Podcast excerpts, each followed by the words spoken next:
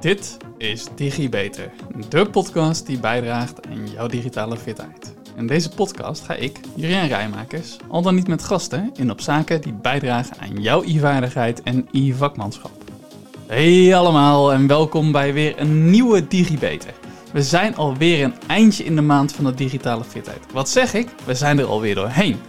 En mijn vorige topic was er ook gelukkig alweer doorheen. Dus ik moest op zoek naar het volgende. En daar had ik alle tijd voor. Op basis van de podcast over de bits en de bytes en software kreeg ik enkele vragen. En ook heb ik er een paar gehad over de digitale veiligheid. Daarnaast werd in april vorig jaar door Veilig Internetten de maand uh, georganiseerd waarin de extra aandacht was voor digitale veiligheid van senioren.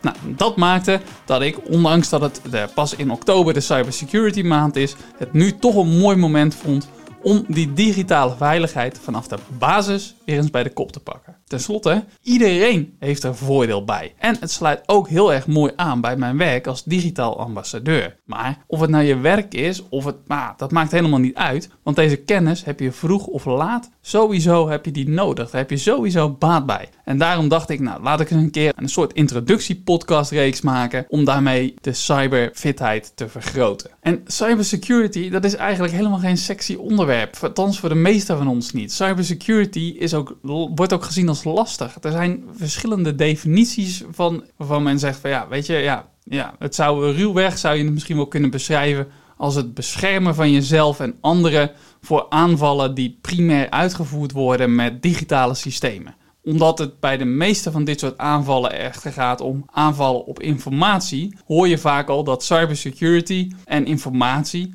of op zijn Engels information security, vaak al worden uitgewisseld. Dus je cybersecurity, informatieveiligheid ik ga ze hier in ieder geval door elkaar heen gebruiken. En ik zei het al, hè, informatieveiligheid, information security is helemaal geen sexy onderwerp. Althans, voor de meeste van ons is dat dus, dus niet. Maar waarom moet je die kennis dan toch wel willen hebben? Waarom wil je die kennis van die digitale veiligheid hebben? Nou, ik denk dat het waardevol is omdat er geen enkel systeem 100% veilig is. Ofwel, elke computer, elk digitaal systeem, dat heeft zwakke plekken in de beveiliging. En deze zwakke plekken worden ook wel security vulnerabilities genoemd.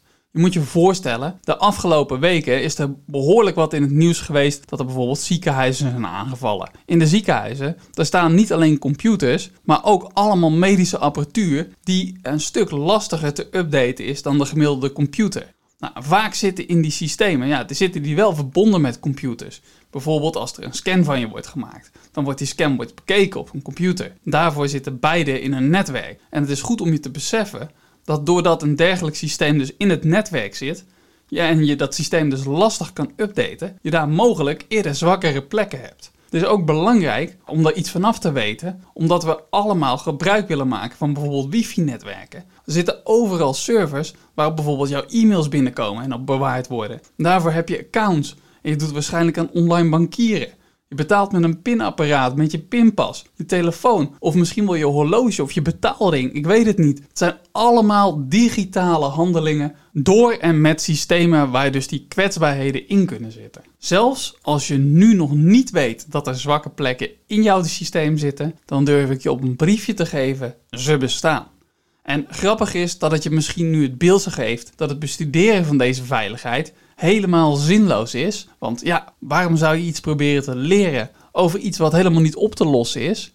Maar ik vertelde het al eens eerder. In de wereld van die digitale veiligheid, van überhaupt van de veiligheid, heb je geen 100% veilig. Je hebt wel meer veilig en minder veilig. En hoe veiliger, hoe beter die bescherming, hoe minder jij gezien zal worden als het doelwit. Ten slotte, wat ik al vertelde, als het eenvoudiger is om bij je buren in te breken dan bij jou, ja, waarom zou ik het dan bij jou proberen? Cybercriminelen die iets willen stelen, zoals bijvoorbeeld het geld van je rekening of je wachtwoorden, zullen dat pakken wat ze het snelst en het meest eenvoudig kunnen pakken. Maar laat ik eens kijken of ik je dat met een voorbeeld zelf kan laten ervaren. En ja, natuurlijk heb ik hier al even over nagedacht. Dus uh, stel voor, je bent een fietsendief en je wilt een fiets stelen. Nou, dat is niet iets wat ik wil stimuleren overigens, maar het werkt als een voorbeeld. Stel je ziet twee identieke fietsen. Eén fiets met slot en eentje zonder. Welke is nou het meest waarschijnlijk dat je die zou meenemen? Ik denk diegene zonder dat slot. Een cybercrimineel of een gewone crimineel, die denkt net als jij nu. Ze zijn praktisch ingesteld. Ze zullen afgaan op die zwakste schakel. In dat ziekenhuis, als ze daarvoor willen gaan, dan zullen ze niet gaan voor die geüpdate computer, maar voor die scanner die misschien al wel in geen twee jaar een update gekregen heeft. En ik hoor je denken, maar is nou alles hetzelfde? Zijn al die digitale systemen dan vergelijkbaar? Nou, ik hoor vaak voorbeelden van, eh, nou, ik heb een Apple eh, of ja, ik gebruik een Linux en die zijn toch gewoon veilig? Maar nee, dat is absoluut niet waar. Lange tijd waren deze apparaten wel iets veiliger, omdat ja, apparaten in kleine getalen gebruikt werden. Ze waren minder populair en dus ook minder populair om aan te vallen. De aantallen waren simpelweg kleiner en populariteit speelt een belangrijke rol. En ook hierbij heb ik ja, een voorbeeld om het je te laten ervaren. En daar heb ik natuurlijk heel even over nagedacht. En je bent weer die fietsendief. Je mag weer even crimineel denken. Heerlijk. Crime Podcast, dat zijn tenslotte de meest beluisterde podcasts die er zijn. En dan kom ik dan met mijn digitale podcast. Maar goed, we gaan even terug naar het voorbeeld met de fietsen.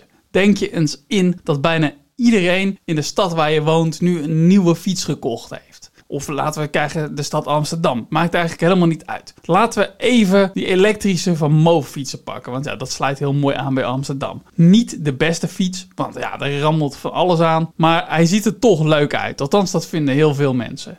Hij kost een bult met geld, dus het is een zeer aantrekkelijke fiets om te stelen. En omdat hij zo duur is, heeft ook iedere eigenaar een kwalitatief goed slot gekocht. 8 van de 10 mensen die hebben bij die elektrische van Moof hebben ze het slot van type 1 gekocht. En twee van die type mensen hebben een slot van type B gekocht.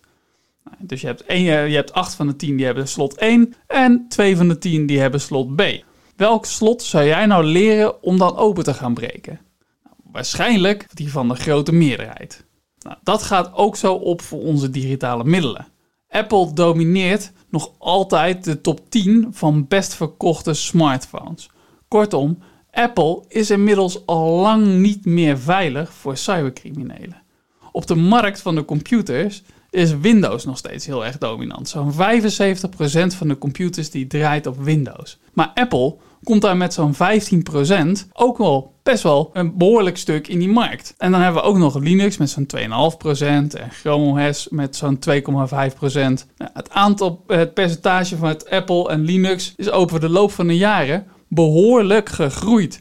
En dat maakt dat het, waar het eerst nog misschien een enkeling was, het nu toch best al in een heel aantal huishoudens gewoon te vinden is. Dat maakt dus ook dat de kansen dat de criminelen zich op die systemen gaan richten, fors zijn toegenomen. Nou, en daarnaast waanden heel veel gebruikers zich lange tijd heel erg veilig met die systemen omdat ze zo klein waren. En hebben ze dus weinig gedaan aan de beveiliging. Dat maakt dat als je nu nog eens een keer terugdenkt aan dat zwakste schakelverhaal, uh, je misschien wel snapt wat dat betekent. Maar al dat gezwets van mij over het aanvallen van je computer, het is eigenlijk maar gepraat om niets. In werkelijkheid vallen die cybercriminelen vallen helemaal je digitale systeem niet aan, ze vallen jou aan. We denken wel eens dat die cybercriminelen dat dat slimme genieën zijn. Maar vraag je je eens af, denk je nou ook zo over inbrekers? Is een inbreker in werkelijkheid ook een hele goede slotenmaker of een beveiligingsexpert? Ik zal zeker niet uitsluiten dat er geen beveiligingsexperts of slotenmakers zijn die ook inbreken. Maar het merendeel zijn gewone mensen zoals jij en ik. En als ik dan kijk naar de meeste cybercriminelen, dan zijn het ook niet altijd digitale experts. De meeste zijn gewoon simpele oplichters die jouw gedrag benutten en misschien kan ik beter zeggen misbruiken in plaats van dat ze diep in digitale systemen hacken. In veel van de cybercriminaliteit is het merksysteem of het type software totaal irrelevant, omdat de crimineel zich niet richt op het systeem, maar op jou als gebruiker. De gemiddelde inbreker die kiest ook niet het huis uit op het huis. Die kijkt of er een raampje open staat, oftewel of jij een zwakke plek gecreëerd hebt of hebt gemaakt. Of jij als gebruiker door je gedrag iets hebt gecreëerd waardoor zij makkelijk naar binnen kunnen. Zoals ik al zei, het merendeel zijn gewoon oplichters. Natuurlijk zijn er wel echte experts Net als dat er criminele slotenmakers en criminele beveiligers zijn. Maar het merendeel van de aanvallen gebeurt door gewone criminelen. Die zich een beetje kennis eigen gemaakt hebben over hoe ze jou als gebruiker het meest eenvoudig aan kunnen vallen. Het loont zich dus zeker om ervoor te zorgen dat je net iets slimmer bent dan de crimineel. Dat je ze net een stap voor blijft. Zo'n crimineel volgt namelijk ook simpelweg maar een aantal stappen uit een boekje of van het internet. En natuurlijk is het niet helemaal zo wat ik hier zeg, maar je snapt hopelijk wat ik bedoel. Het is geen expert, maar het is gewoon een beetje een handige Harry. En het erge dat dit soort aanvallen van zo'n handige Harry ook nog vaak slagen, is omdat wij ons als gebruikers, omdat we vaak heel erg naïef omgaan met onze systemen. We snappen vaak niet welke methode deze criminelen gebruiken, hoe ze denken en hoe ze aanvallen uitvoeren. Of we weten het wel en we zijn ons een moment onbewust, zoals met bijvoorbeeld het openstaan, laten staan van een raampje. Je weet dat criminelen daar gebruik van maken, en toch ben je het een momentje vergeten. En voor dat moment heb je net geen veiligheidsmaatregelen ingebouwd. Kortom, net als met alles in deze podcast, draait het hier ook om de basis. Voor ik echt de diepte in wil duiken. En ik ga dus raken aan of verwijzen naar thema's waar ik aan geraakt heb.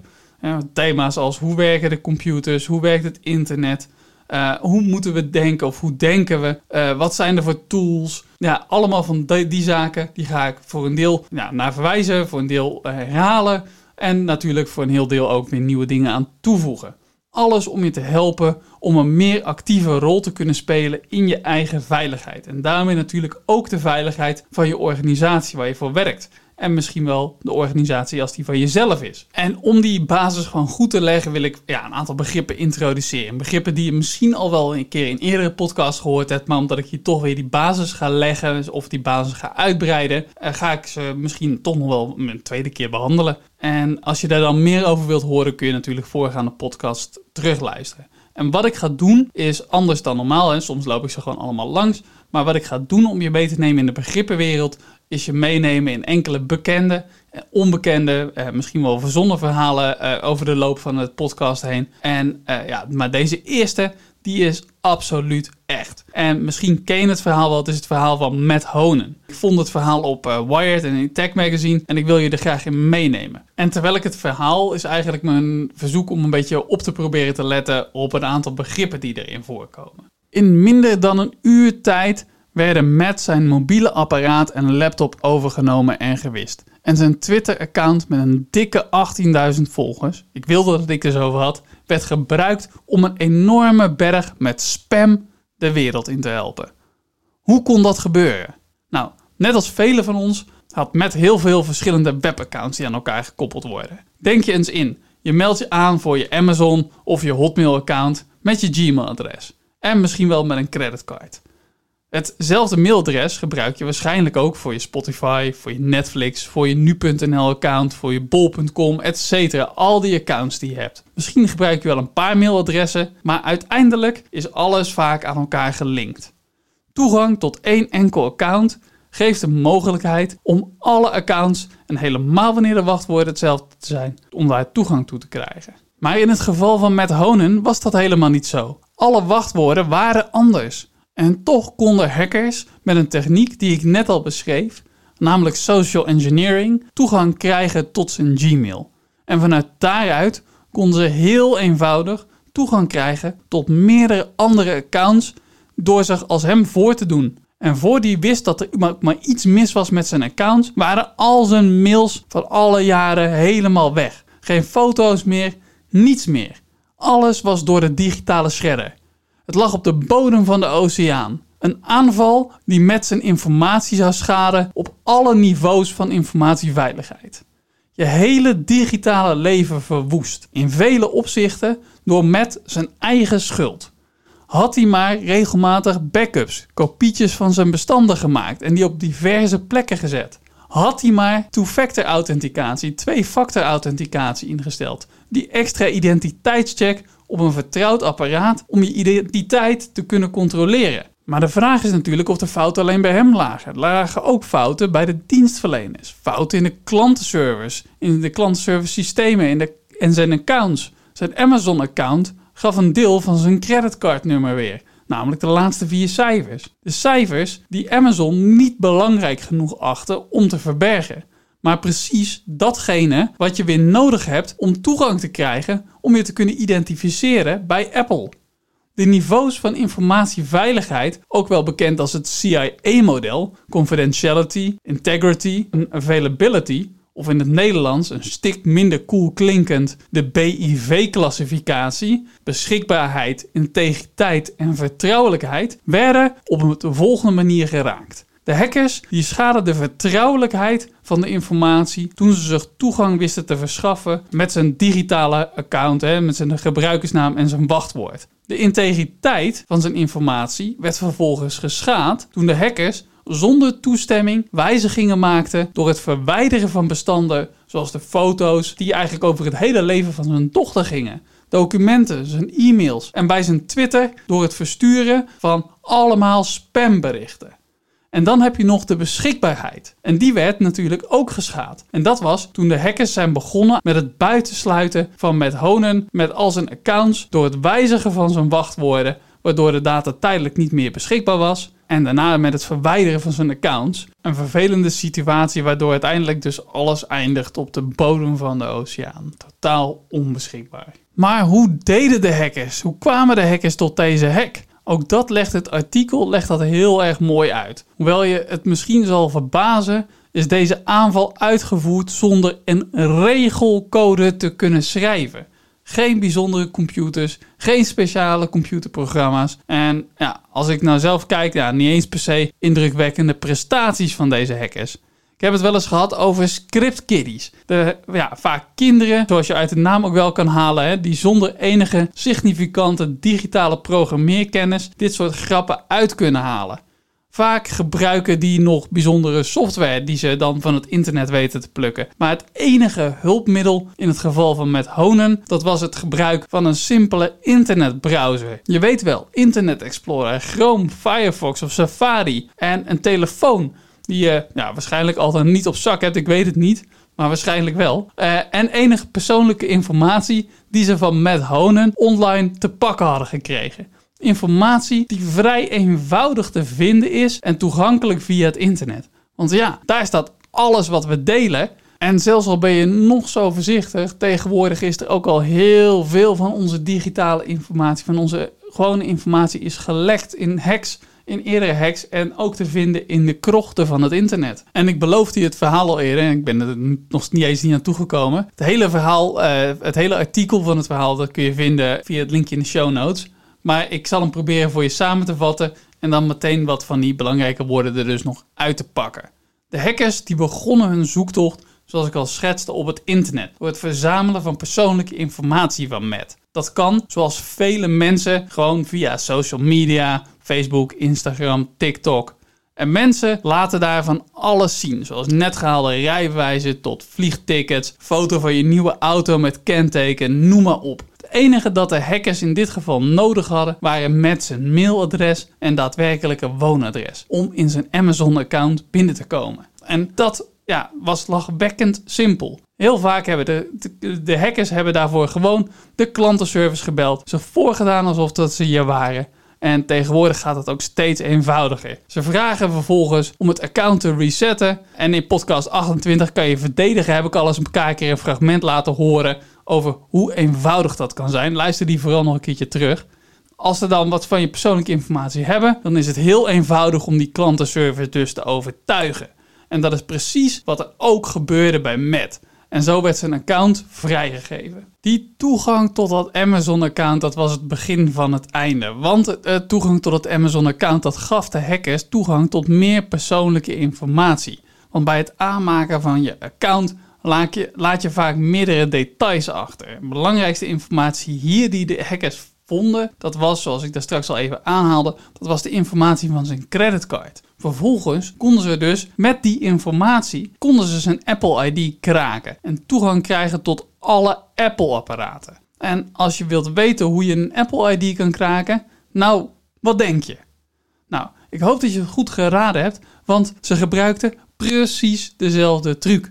Ze belden namelijk de klantenservice, ze overtuigden dat ze met waren, ze gaven een aan dat ze een paswoord reset nodig hadden, dat het account ja, dat werd vrijgegeven.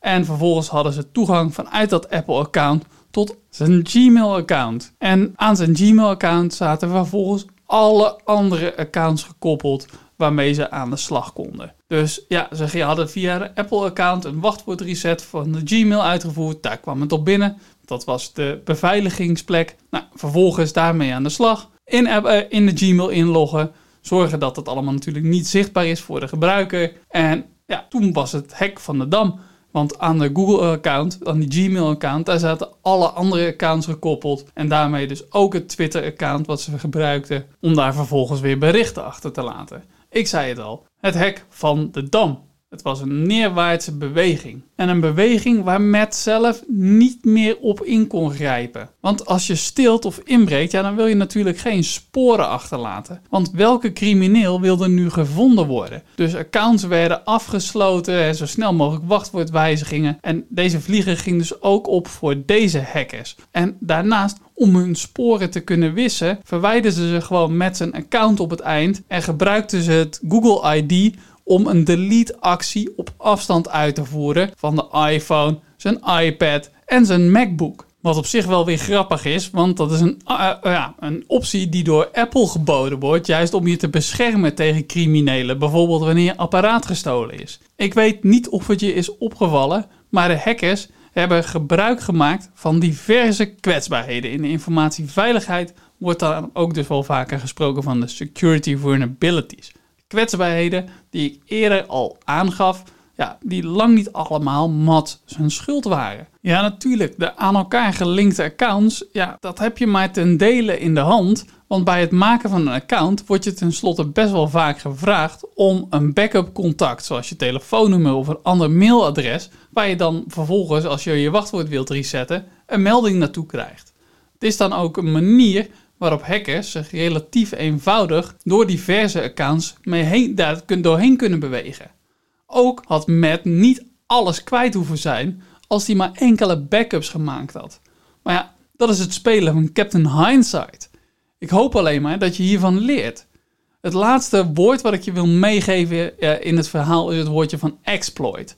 Doordat Matt zijn verhaal heeft gedaan, kwam hij in contact met de hackers, die hem duidelijk maakten hoe de hack gedaan kon worden. De methode die de hackers hier gebruikten was een uitnutting, een exploit. Het was het gebruiken van een bekende kwetsbaarheid. Dit soort kwetsbaarheden zijn voor de cybercrimineel, zoals gezegd, best wel eenvoudig online te vinden. En Matt heeft dit dus getest of hij dat kon herhalen. En iedere keer dat hij het probeerde, had hij weer succes. Hij had dus vele mensen daarmee kunnen schaden.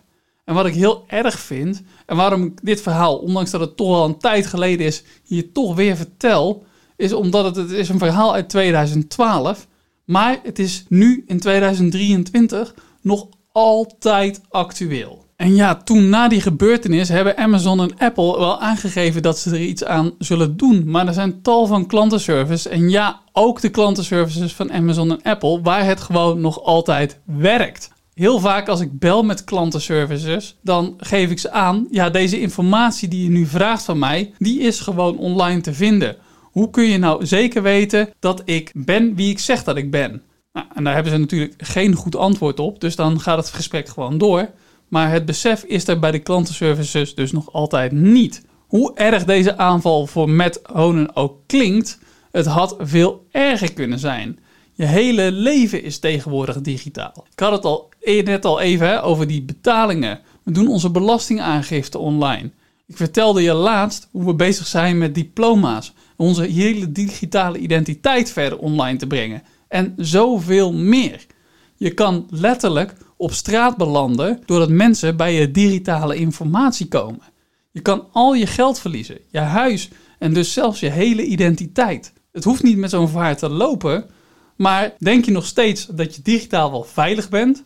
Dan neem ik je graag mee in nog meer verhalen in de volgende podcast. Maar eerst even een kleine evaluatie. En nee, niet een evaluatie van deze podcast. Ja, die mag je natuurlijk ook doen. Maar dat kun je gewoon doen door mij via het bekende linkje hier in de show notes mij een berichtje te sturen. Maar een evaluatie van je veiligheid. Een mini-risico-assessment, ofwel een beoordeling van de risico's waarbij het onderkennen de eerste stap is. Maar waarbij we ook evalueren en leren van voorgaande gebeurtenissen. En een vaak een impactanalyse doen per risico. En vervolgens kijken naar hoe de risico's gemitigeerd kunnen worden of verwijderd kunnen worden, geëlimineerd. Maar wat is een risico? Nou, daar had ik het in de 26e podcast al eerder even over. Uit de podcast over informatiebeveiliging was dat overigens ook, dus dat is, sluit mooi aan natuurlijk. Uh, maar hierbij even een korte recap. Een risico is een combinatie van kwetsbaarheden, zwakke plekken, dreigingen en de impact daarvan. En daarbij wil ik ze natuurlijk even toelichten, te beginnen met die kwetsbaarheid. Kwetsbaarheden, oftewel vulnerabilities, worden in de informatiebeveiliging gebruikt om potentiële zwakke plekken te beschrijven. Dan hebben we ook de dreiging. De Engelse term daarvoor is threat, waarbij het gaat om de waarschijnlijkheid dat zo'n kwetsbaarheid, dat je aangevallen wordt. En dan hebben we ook nog de impact.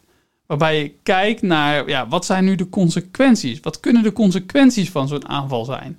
Het risico is dus een combinatie van deze factoren. Het is goed om dat even in een perspectief te plaatsen, of ook weer in een kort stukje verhaal. Nou ja, we leven in 2023 en uh, ja, het kan zo, wat ik net vertelde, dat verhaal kan zich nog altijd voordoen, dus ik ga even uit van het eerdere verhaal. Ja, dat kan er best ook wel van uitgaan dat al die gaten in dat verhaal dus nog niet allemaal gedicht zijn door die grote partijen. Zodat ja, het risico is dan wat beter toe te lichten. Als de gaten nog niet dicht zijn, wat zou je dan doen om jouw risico te beperken? Nou, ik zei het al. Een risico bestaat uit drie factoren. Dus als de eerste kijk ik dan naar de kwetsbaarheid. Dus naar waar we al dan niet mogelijk zwakke plekken hebben zitten.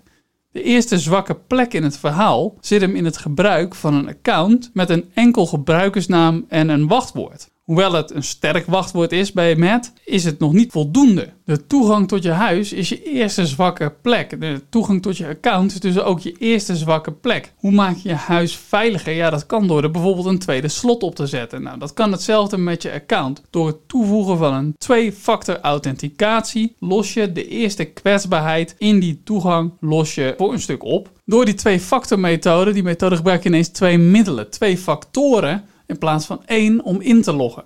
Je gebruikt iets dat je weet, je wachtwoord, en iets dat je bezit of bent, zoals een tijdgebonden code of een bevestigingsmelding op je telefoon via Microsoft of Google Authenticator. Toch een stuk minder veilig dan de gewone codes zoals ik net schetste, is een sms-code. Een apparaat dat je identificeert, bijvoorbeeld een NFC-apparaat of een Yubico YubiKey of bijvoorbeeld biometrisch door je vingerafdruk of je gezicht of je iris-scan. Dat is dus die tweede factor die je daaraan kan toevoegen. Een extra hobbel voor jou, een berg voor de indringer. Ik doe maar even of ik alle zwakke plekken nu heb gehad, zeker omwille van de tijd. En uh, nu wil ik de dreiging of de kans op een dreiging laten afnemen. Nou, Matt Honen is een bekende persoon, dus de kans dat hij werd gepakt was een stuk hoger.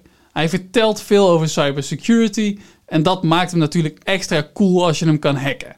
En daarmee is de kans van hem, of misschien van mij wel, een stuk hoger dan de kans van jou. Maar minder hoog betekent niet dat je het kan verwaarlozen. Als mensen maar denken dat er iets bij je te halen is, en ja, dan gaan ze het proberen. En hoe hoger ze verwachten dat de beloning is, hoe interessanter. En dat verhoogt natuurlijkerwijs ook de dreiging. Daarnaast wordt de dreiging natuurlijk groter als mensen om jou heen zich beter gaan beveiligen dan dat jij dat doet. Tot slot, zo last minute, wil ik nog heel even kijken naar de laatste factor binnen de risico en dat is de impact. De impact kan je beperken doordat je van belangrijke e-mailaccounts een dump kan maken en al die bestanden als backup kan opslaan. Datzelfde geldt voor je foto's, een lijst met alle accounts, uh, in je paswoordmanager en al dat soort zaken blijft natuurlijk alsnog een enorme impact als al die cloud apps van je in één keer leeggegooid wordt. Alles opnieuw moeten instellen, installeren, is toch heel erg vervelend. Maar uiteindelijk is de impact toch een stuk lager als je wel die babyfoto's, je familiefoto's en al die andere zaken toch op een of andere manier weer kan herstellen. De volgende keer wil ik je graag meenemen in nog een verhaal om je nog een aantal woorden en verbanden in te laten zien. En wil ik je meenemen in een stukje van de hardware nog. Dat ik ehm, in de bits en de bytes nog niet allemaal behandeld heb. Voor nu, dank voor het luisteren. Tot de volgende keer. Tot de volgende DigiBeter. Vond je dit nu een leuke uitzending en wil je meer weten? Abonneer je dan op de podcast door op volgen te klikken. Het duimpje omhoog En geef een beoordeling van bijvoorbeeld 5 sterren, zodat nog meer mensen deze podcast kunnen vinden. Wil je collega's, vrienden, familie, zoals je opa of oma, net zoveel plezier doen en ze digitaal fitter krijgen? Deel dan de podcast. En zo worden we samen allemaal digitaal. Heb je een vraag over wat er verteld is in de podcast? Een bepaald onderwerp dat je graag terug zou willen horen? Of wil je gewoon laten weten dat je erg van de podcast genoten hebt? Je kan mij feedback geven en vragen stellen via LinkedIn. Zoek dan even naar Juriaan Rijmakers.